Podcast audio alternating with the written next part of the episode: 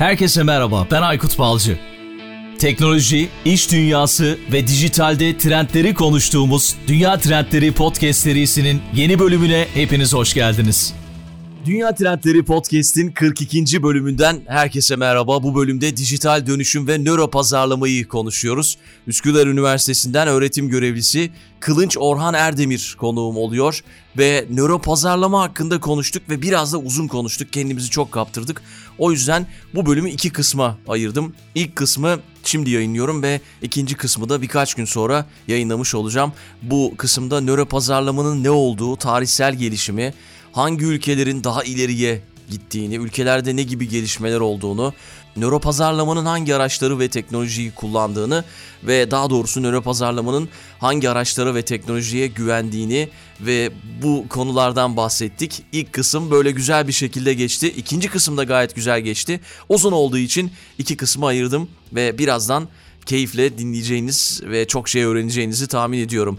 Yeni bölüme geçmeden önce ufak bir hatırlatma. 30 Eylül'de International Podcast Day kutlaması gerçekleşiyor ve 30 Eylül'de Türkiye saatiyle saat 23'te International Podcast Day kapsamında YouTube üzerinden ben de orada konuşmacı olarak yer alacağım ve bir gelişme var tabii. Ülkemizden bir isim daha katılıyor ve beni kırmadı. Onu da davet ettim. Sevgili Serdar Kuzuloğlu da International Podcast Day kapsamında 30 Eylül'de saat 23'te YouTube üzerinden yayınlanacak canlı programda benimle birlikte orada güzel bir sohbet gerçekleştirecek.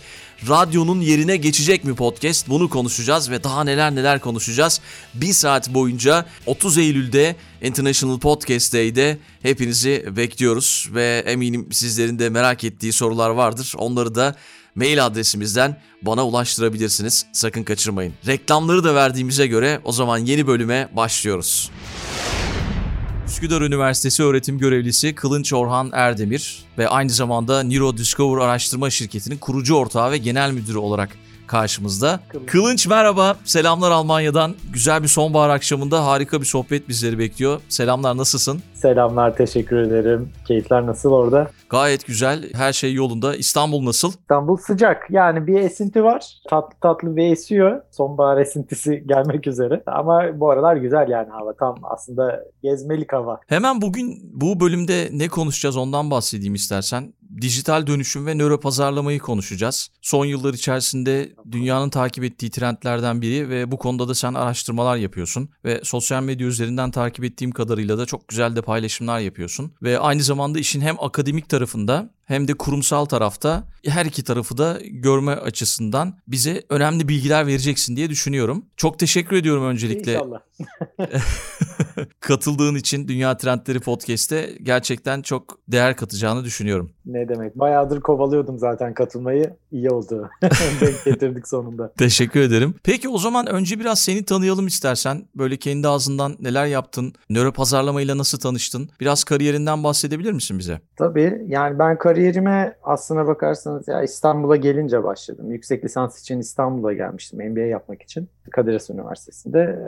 Ondan sonra ürün müdürü olarak başladım. Kişisel bakım sektöründe, dermokozmetik alanında. Ürün müdürü olarak başladım. Marka müdürü olarak devam ettim. Sonra global marka müdürü olarak yükseldim. Oradan başka bir şirkete, inşaat sektörüne pazarlama müdürü olarak geçtim. Orada birkaç yıl geçirdim. Oradan da teknoloji perakendeciliğine geçtim. Yine pazarlama müdürü olarak orada devam ettim. Ardından bu nöro pazarlama araştırmaları, nörobilim araştırmalarının pazarlamayla entegrasyonuna biraz fazla kafayı takmış olacağım ki bu alana yönelmeye karar verdim. Nörobilim alanında ikinci yüksek lisansımı yaptım Üsküdar Üniversitesi'nde. Ardından Nöro Discovery kurdum. Burada nöro pazarlama araştırmaları yapan Türkiye'deki en kapsamlı araştırmaları yapan şirketi kurduk aslına bakarsanız. Ee, yani burada kullandığımız birçok farklı teknoloji var. Yaklaşık herhalde 5-6 yılda oldu burası çalışmaya devam edili. Hı hı. Ne yapıyoruz burada? İşte ticari araştırmalar yapıyoruz ağırlıklı olarak ama akademisyenler de geliyorlar. Akademik araştırmalar da yapıyoruz. Yani doktora tezi için gelen var, postdoc araştırmalar için gelenler var. Onların nörobilimsel yöntemlerle yapmak istedikleri araştırmaların deney tasarımlarını, metodolojilerini, veri toplama kısımlarında onlara yardımcı oluyoruz, destek oluyoruz, danışmanlık veriyoruz. Analizleri konusunda danışmanlık veriyoruz, anlatıyoruz nasıl analizlerini yapabileceklerini bu nörofizyolojik verilerin. Bu açıdan bakacak olursak yani bir pazarlama geçmişim var, sonra nörobilim geçmişim var. İkisini bir, bir potada eritmeye çalıştım aslında bakarsan kariyerimde. E, Neurodiscovery sayesinde şey de oldu. Hem ticari hem de akademik araştırmaları da görmemi sağladı bir yandan. Hani iki taraftaki beklentileri de deri olarak müşteri diyecek olursak yani akademisyenlerin beklentileri neler oluyor araştırmalardan, ticari markaların neler oluyor beklentileri bunları da görmüş oldum aslına bakarsan. Son 3,5-4 yıldır da Üsküdar Üniversitesi'nde nöropazarlama yüksek lisans bölümünde öğretim görevlisiyim. Burada nöropazarlamaya giriş, nöropazarlama laboratuvarı gibi dersleri veriyorum. Yani öğrencilerin direkt nörofizyolojik teknolojilerle tanıştığı dersleri benden görüyorlar öğrenciler. Bizzat uygulamalı olarak onlara işte EG nasıl takılır, ne veri alınır, eye tracking nedir, ne işe yarar vesaire Hı-hı. gibi uygulamalı olarak pratikte yaptırarak onları aslında yetiştiriyoruz. Yetiştirdiğimiz arkadaşlardan araştırma şirketinde kullandığımız arkadaşlar da var. Bu alanda akademik çalışmalarına devam eden arkadaşlar da var. Tabii e, yani bu alana istihdam oluşturma açısından da çok önemli aslına bakarsanız yani. Üsküdar Üniversitesi bu arada Türkiye'de evet. ilk defa bu bölümü açan üniversite değil mi? Yanılmıyorsam. Tabii tabii. Yani ders olarak veriliyor çeşitli üniversitelerde. Ama yüksek lisans olarak açan e, tek üniversite. İlk Hı-hı. ve tek üniversite. Yani pek diyorum ama e, çok emin değilim aslında bakarsanız ama ilk olduğu kesin de tek mi o, belki belki bir iki bölüm açılmış olabilir ama e, henüz duymadım yani. Ama ya bu alanda gerçekten çok sağlam hocalar ders veriyorlar. Yani işte Profesör Doktor Sinan Canan işte Sultan Tarlacı gibi hocalarımız var. Ondan sonra işte nörofizyoloji e, uzman uzmanları var nörobilim uzmanları var, nörologlar var ders verenler arasında. Yani bunun yanı sıra pazarlama uzmanları da var tabii ki. Dijital pazarlama alanında da ders veren hocalarımız var çok değerli.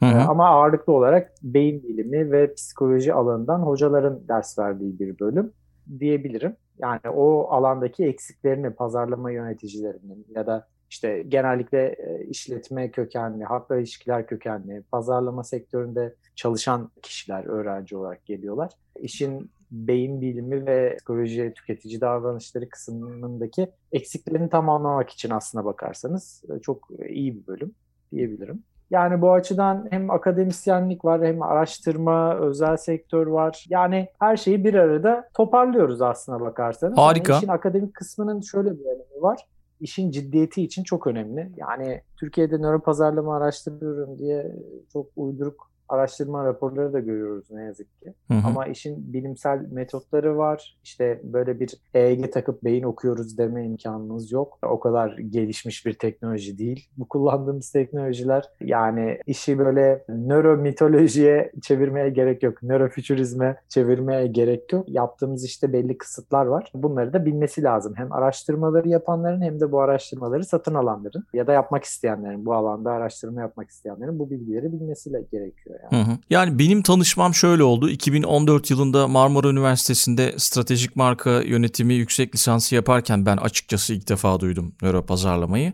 Onun öncesinde de hı hı. tabii ki şey internet üzerinde dolaşan böyle YouTube'da dolaşan komplo teorileri videoları vardı işte. Burada subliminal mesajlar var.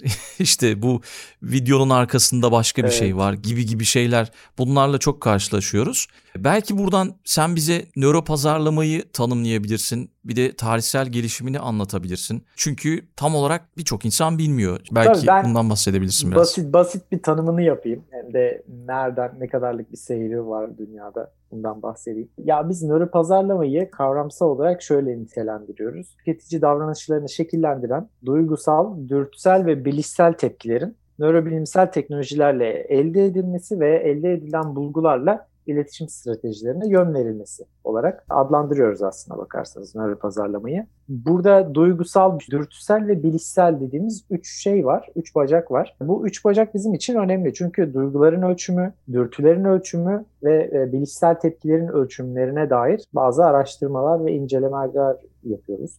Buna dair çıktılar elde ediyoruz ve tüketici davranışlarını bu tepkilere dayalı olarak yorumluyoruz. Yani sözlü beyana dayalı değil bizim yaptığımız araştırmalar. Hı hı. Ağırlıklı olarak işte tepki sürelerinden tutun da göz bebeği hareketleri, kalp ritminin hızından tutun işte elimizin içindeki ter bezlerinin aktivasyonuna kadar farklı ölçüm teknikleri var. Ve bu tekniklerin hiçbirinde insanlara soru sormuyorsunuz. Yani beğendin mi beğenmedin mi demiyoruz. Biz beğenip beğenmediğini, strese girip girmediğini, heyecanlanıp heyecanlanmadığını, duygusal olarak e, bir değişim yaşayıp yaşamadığını, hangi duygu durumunda olduğunu vesaire e, kullandığımız teknolojilerle, e, verilerle topluyoruz. Tamamen e, kantitatif bir şekilde e, topluyoruz verileri. Yani e, rakamsal veriler topluyoruz. E, ve bunları işte istatistiksel e, yazılımlarla analiz ediyoruz. E, buna dayalı olarak e, yerlere varıyoruz aslında bakarsın. Hı hı. E, dünyadaki seyrine e, ya da e, şeye gelecek olursak e, tarihsel gelişimine e, gelecek olursak e, nöropazarlamanın çok eski bir geçmişi yok aslında. Yani eski bir geçmişi yok derken adlandırılma açısından yani çeşitli nörobilimsel tekniklerin pazarlama alanında kullanılması bir işte 30 yılı bulabiliyor aslına bakarsanız 90'ları gidebiliyor. Ama nörobilimsel yöntemlerin pazarlama alanında kullanılmasının nöropazarlama olarak tanımlanması 2000'li yılların başına dayanıyor. Yani yanılmıyorsam 2002 ya da 2003 olacak. Ale Schmidt Erasmus Üniversitesi'nden bir profesör şey yapıyor.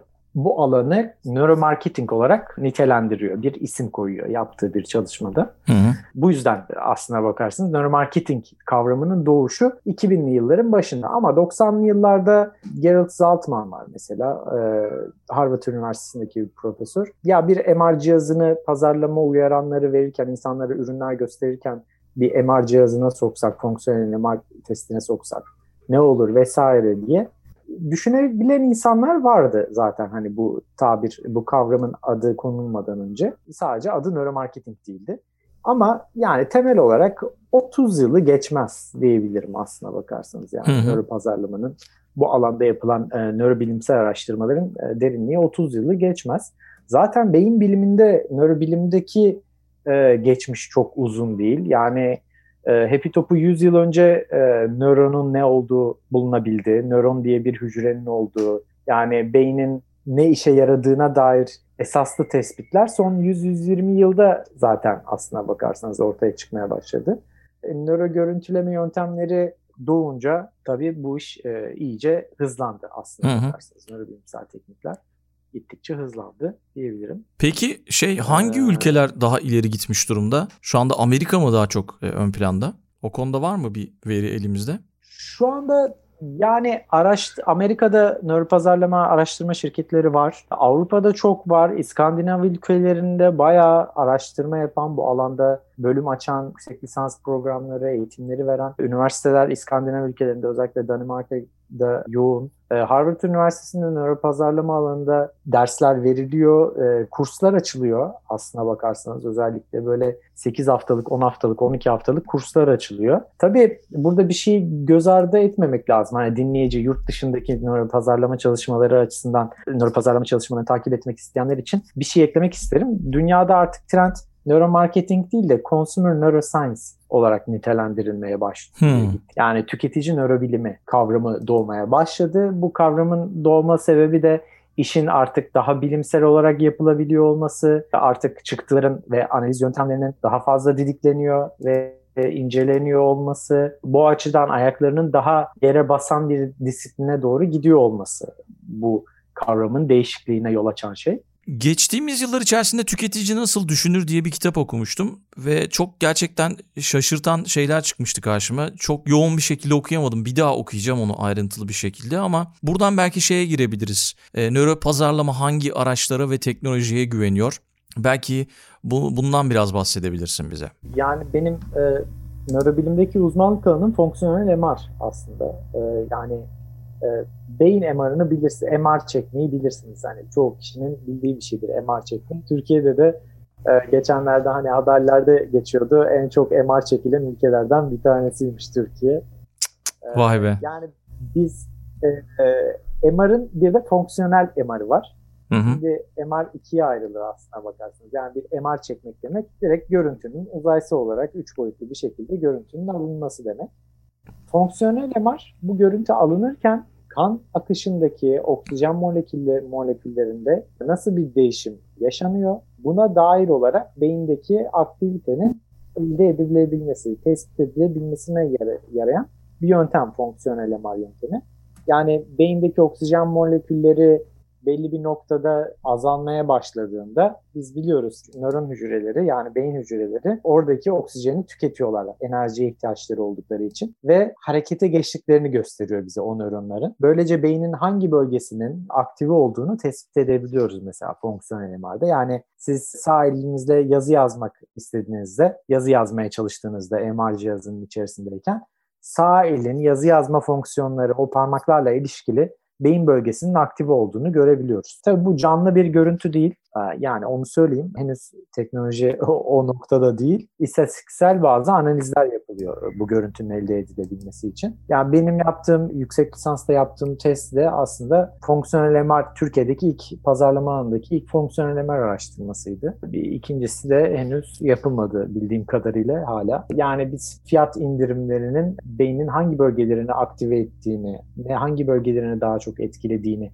e, bulmaya yönelik bir araştırma yaptık. 52 kişiye MR çektik, beyin MR'ı çektik. Tabii meşakkatli bir yöntem. Hı hı. E, ticari alanda, nöropazarlama araştırmalarında ticari alanda fonksiyonel MR kullanılmıyor. Yani kullanılıyorsa da çok düşük bir sayısı var. Genelde böyle PR yapmak için işte bir basın haberi falan böyle sansasyon yaratacak, böyle ses getirecek bir basın haberi yapmak için markalar bu tip bir şeye yönelebiliyorlar. Çünkü gerek bütçesi, bütçesi açısından gerekse sonuçların elde edilme süresi açısından oldukça meşakkatli bir araştırma yöntemi. Çok yüksek bütçelere sahip ve e, analiz süreleri vesaire yani 5-6 ayınızı vermeniz gerekebiliyor e, böyle bir araştırmaya. Akademik alanda yapılan fonksiyonel araştırmaları çok fazla var. Pazarlama alanında yapılanları da var çok fazla dünyada. Ama Türkiye'de çok gelişmiş değil bu yöntem. Ya şöyle bir şey var genelde. Defans var. Üniversitelerin işte hastanesi olan MR, nöro görüntüleme merkezi olan hastaneleri olan üniversitelerde aslına bakarsanız çok rahat bir şekilde yapılabilir bu tip araştırmalar. Ama işte genellikle başhekimler şey diyebiliyorlar. Ya işte biz hastalarla uğraşıyoruz. Böyle sosyal bilimlerle vaktini harcamayın cihazın vesaire. Hmm gibisinden bazı defanslar oluşabiliyor. Aslına bakarsanız yani biz o cihazı mesela ben e, NP İstanbul Beyin Hastanesi'ndeki Üsküdar Üniversitesi'nin hastanesi bilirsiniz. Oranın e, Nevzat Tarhan'ın hocamızın izniyle orayı kullandık. Hafta sonları MR çekimi olmazdı hastanede. Hafta sonları biz patır patır katılımcı çağırırdık hastaneye ve işte yapacağımız araştırmalar için veri toplardık orada. MR'larını çekerdik. Psikoloji bölümünden arkadaşlarımız da mesela bellek e, süreçleriyle alakalı araştırmalarını yapıyorlar yine.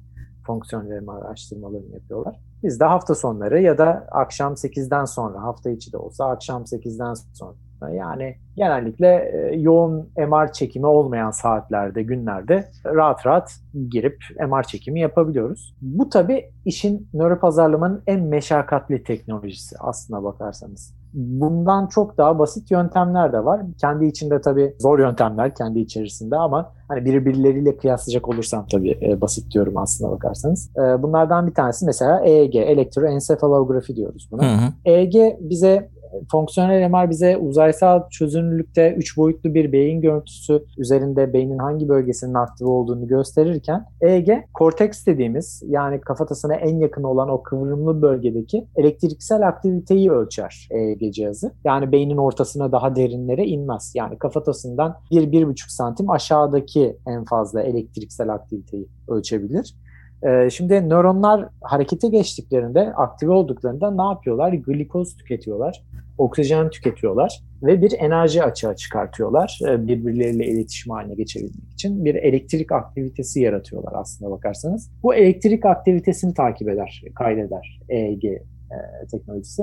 Tabii bu yüksek çözünürlüklü bir özel hassas sensörlerle yapılan bir teknoloji, e, araştırma yöntemi. Genellikle işte epilepsi hastalarının teşhisinde, uyku bozuklukları gibi durumlarda EEG çekimini de bilenler vardır aslında bakarsınız. Hattaki halkta bilen vardır yani EEG çekmek vesaire. Yani duyanlar vardır. EEG'yi ee, biliyoruz ama evet. insanlar ama Evet evet yani ama beynin derinlemesine bir analizini vermez bize. Sadece korteks dediğimiz o kıvrımlı yüzeyin fiziksel aktivitesine dair ipuçları sağlar. Burada ne kadar geniş, ne kadar ince, detaylı bir veri elde etmek istediğinizde o işte sensör sayısı ile ilişkilidir biraz. Bunun yanı sıra eye tracking dediğimiz bir yöntem var. Eye tracking yöntemi yani göz izleme yöntemi. Göz hareketlerinin, göz bebeklerinin hareketinin milisaniye hızında izlendiği, kaydedildiği bir yöntem. Bu yöntem özellikle ekran üzerinde ya da gözlük versiyonları, gözlük şeklinde olan versiyonları da var artık tabii ki. Dış mekanda da kullanabiliyorsunuz. Yani gözün nereye baktığını tam olarak bize kaydeden ve söyleyen bir yöntem. Süpermarketlerde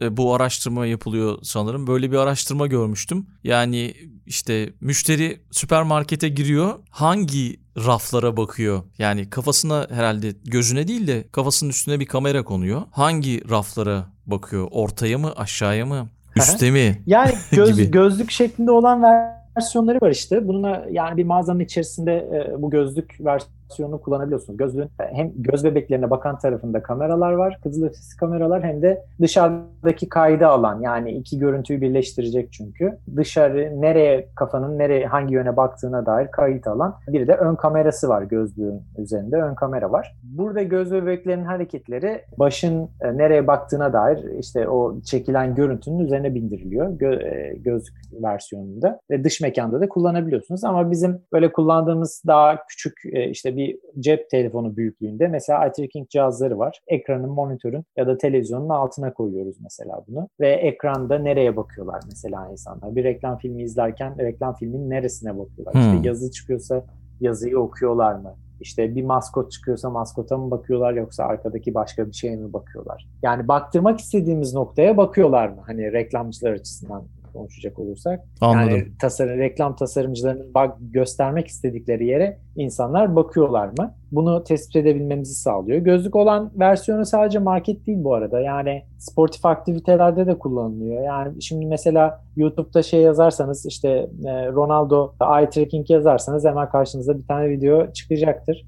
Ronaldo'nun işte eye tracking gözlüğü taktı. İşte çalım atarken nereye bakıyor? Topa mı bakıyor, rakibe mi bakıyor vesaire gibisinden. Hmm bir analiz videosu hemen karşınıza çıkacaktır mesela. İşte otomobil araç kokpit testlerinde, uçuş kokpit testlerinde, uçuş simülatörlerinde vesaire kullanılıyor zaten e, uzun zamandır bu gözlük ve normal e, remote dediğimiz monitor, e, ekran bazlı eye tracking cihazları. E, özellikle dikkatin ölçümüne dair bir ipucu sunuyor bize. Öte yandan mesela biz bir duygusal uyarım ya da EEG'de bir e, yoğun bir ilgi ya da konsantrasyon kaybı gözle, gözledik ya da motivasyonda bir artış gözledik EEG'de mesela. Bunu sağlayan neydi? İşte o gözdeki gözlerden elde edilen verilen veriye ihtiyacımız var. Yani nereye baktı ki insan bunu hissetti? Bu veriler yükseldi ya da azaldı ya da değişmedi. Nereye baktı ki bu oldu? Bunu bilmek çok önemli. Yoksa tek başına EEG takmanın çok bir anlamı kalmıyor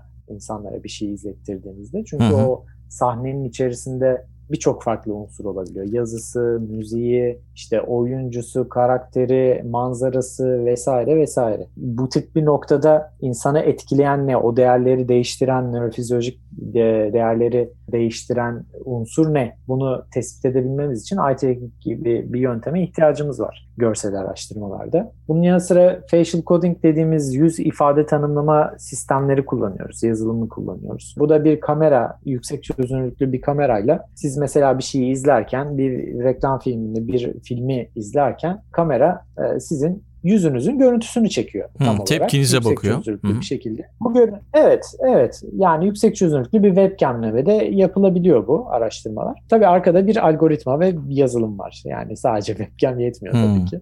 Ee, bu yazılım elde edilen görüntüde yüz kaslarının gruplara ayırıyor ve bu yüz kaslarının hareketlerine dair olarak sizin duygu durumunuzu tespit ediyor. Yani negatif bir duygu durumunda mısınız? Yüz ifadeleri açısından pozitif mi, nötr mü? Yoksa işte gülümsüyor musunuz? Üzüntü ifadesi mi var? Aşağılama ifadesi mi var? İğrenme, öfke, kızgınlık, korku, şaşırma gibi işte kafa karışıklığı, hayal kırıklığı gibi yüz ifadelerine dayalı olarak bazı duygu durumlarını anlık olarak tespit edebiliyoruz. Ya bu yöntem de pazarlamada kullanılıyor, biz kullanıyoruz ama psikolojik araştırmalarda, psikometrik araştırmalarda uzun zamandır da kullanılan bir yöntem aslına bakarsanız. nörobilimsel bir yöntem. Yani mesela e, Uluslararası Uzay İstasyonu'ndaki astronotların da yüz ifadeleri bu şekilde kaydediliyor ve duygu durumlarındaki değişimler yani bir astronotu oraya bir yıl boyunca göreve çıkmış bir astronotu düşünün. Yani küçücük kapalı bir yerdesiniz. Hı hı. İşte psikolojisi çok önemli. Oradaki astronotların bunu takip etmek için de bu sistemleri kullanıyorlar. Yani işte yüz ifadesi genellikle negatif gidiyorsa yani kameraya her yakalandığında negatif bir yüz ifadesi varsa uzun bir sorun var demek. yüz ifadeleri hani şeye işaret edebilir. O zaman tabii e, bir şeylerin önünü önceden almak gerekebilir. Adamın artık canı çok sıkılmıştır. Cinnet geçirmediğini düşünebiliyor musunuz? Yani Uluslararası Uzay İstasyonu'nda astronotun biri cinnet geçirdi. Yani o kadar depresyona girdi falan yani hani çıkıp atacak yer de yok kendini.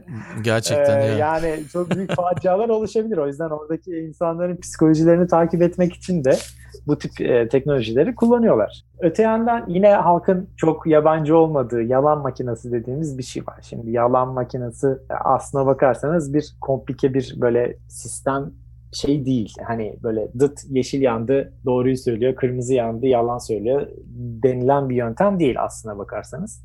Öyle bir cihaz da yok aslında. Ama yalan makinesini, yalan makinesi denilen sorgu tekniğini, nörofizyolojik sorgu tekniğini oluşturan bazı araçlar var. Bunlardan bir tanesi Galvanic Skin Response dediğimiz, deri iletkenliği dediğimiz bir yöntem. Bu yöntemle iç içlerindeki ter bezlerinin aktivasyonunu ölçebiliyoruz. Ee, bunun yanı sıra işte kalp ritmi ölçümleri yapılıyor. Solunumun hızına dair ölçümler yapılıyor. Bunlar yine nöropazarlama araştırmalarında yapılan ölçümler. Peki buradan ne buluyoruz? Şimdi bunun için biraz aslına bakarsanız sinir bilim bilmek gerekiyor. Biraz sinir sistemini bilmek gerekiyor aslına bakarsanız e, bedenimizin. Şimdi bedenimizde otonom sinir sistemi tepkileri dediğimiz bazı sinir sistemi tepkileri var. Hı hı. Otonom sinir sistemi tepkilerini biz bilinçli olarak yönlendirme şansımız yok otonom sinir sistemi tepkilerini. Yani işte kalp ritmim şu an yükselsin, şimdi yavaşlasın diyemiyoruz. Bir şeyler yaşamamız lazım.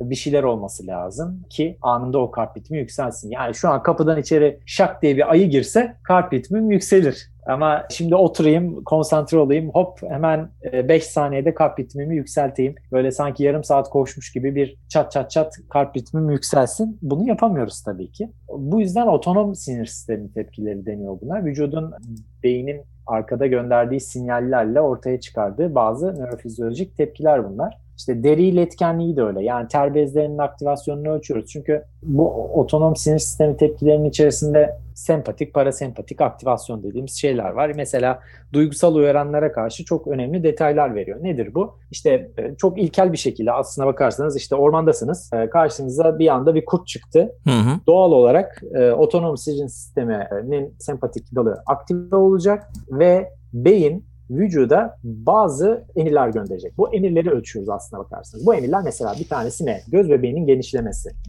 Göz bebeği genişleyince ne oluyor? Daha fazla veri topluyor aslına bakarsanız göz.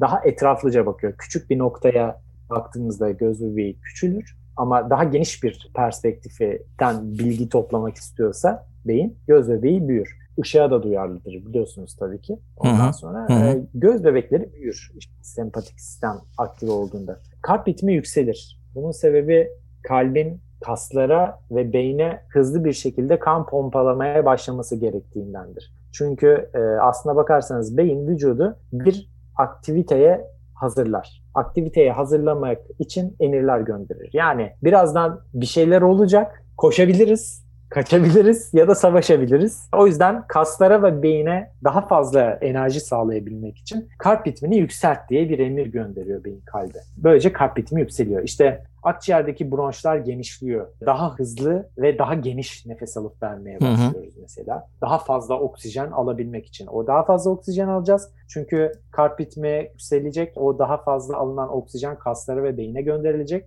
Yakıt olacak bunlarda. Enerjiye dönüşecek. Öte yandan deri iletkenliği dediğimiz yani ter bezlerinin aktivasyonu artacak. Bunun sebebi de aslında vücudun içerisinde oluşacak olan harareti atmak için bir nevi radyatörü çalıştır diyor beyin yani ter bezlerini uyararak. İşte ağız kuruluğu meydana gelir işte vesaire. İşte bazı bağırsak fonksiyonları engellenir kapatılır bir nevi. Yani e, kaçarken şey olmazsınız, altınıza yapmazsınız. Hı hı. Ama şöyle bir şey vardı. Şimdi bu aktivitelerin, bu nörofizyolojik tepkilerin artışını biz gözlemliyoruz. Bunlar bizim için şu anlamda. Duygusal bir uyarımın yükseldiğine dair ipuçları gösteriyor bize bu tepkiler. Yani biz normalde evet bir ayıya, ayıyla ya da kurtla karşılaştığımızda bu tepkileri veriyoruz ama güzel şeylerle karşılaştığımızda da veriyoruz. Öte yandan artık doğada ayılarla kurtlarla uğraşmıyoruz. Yani bilgisayarın başında otururken, televizyon seyrederken, bir reklam filmi seyrederken de bu sinir sistemi aktivasyonlarını yaşıyoruz. Otonom sinir sistemi aktivasyonlarını yaşıyoruz. Bir film seyrederken,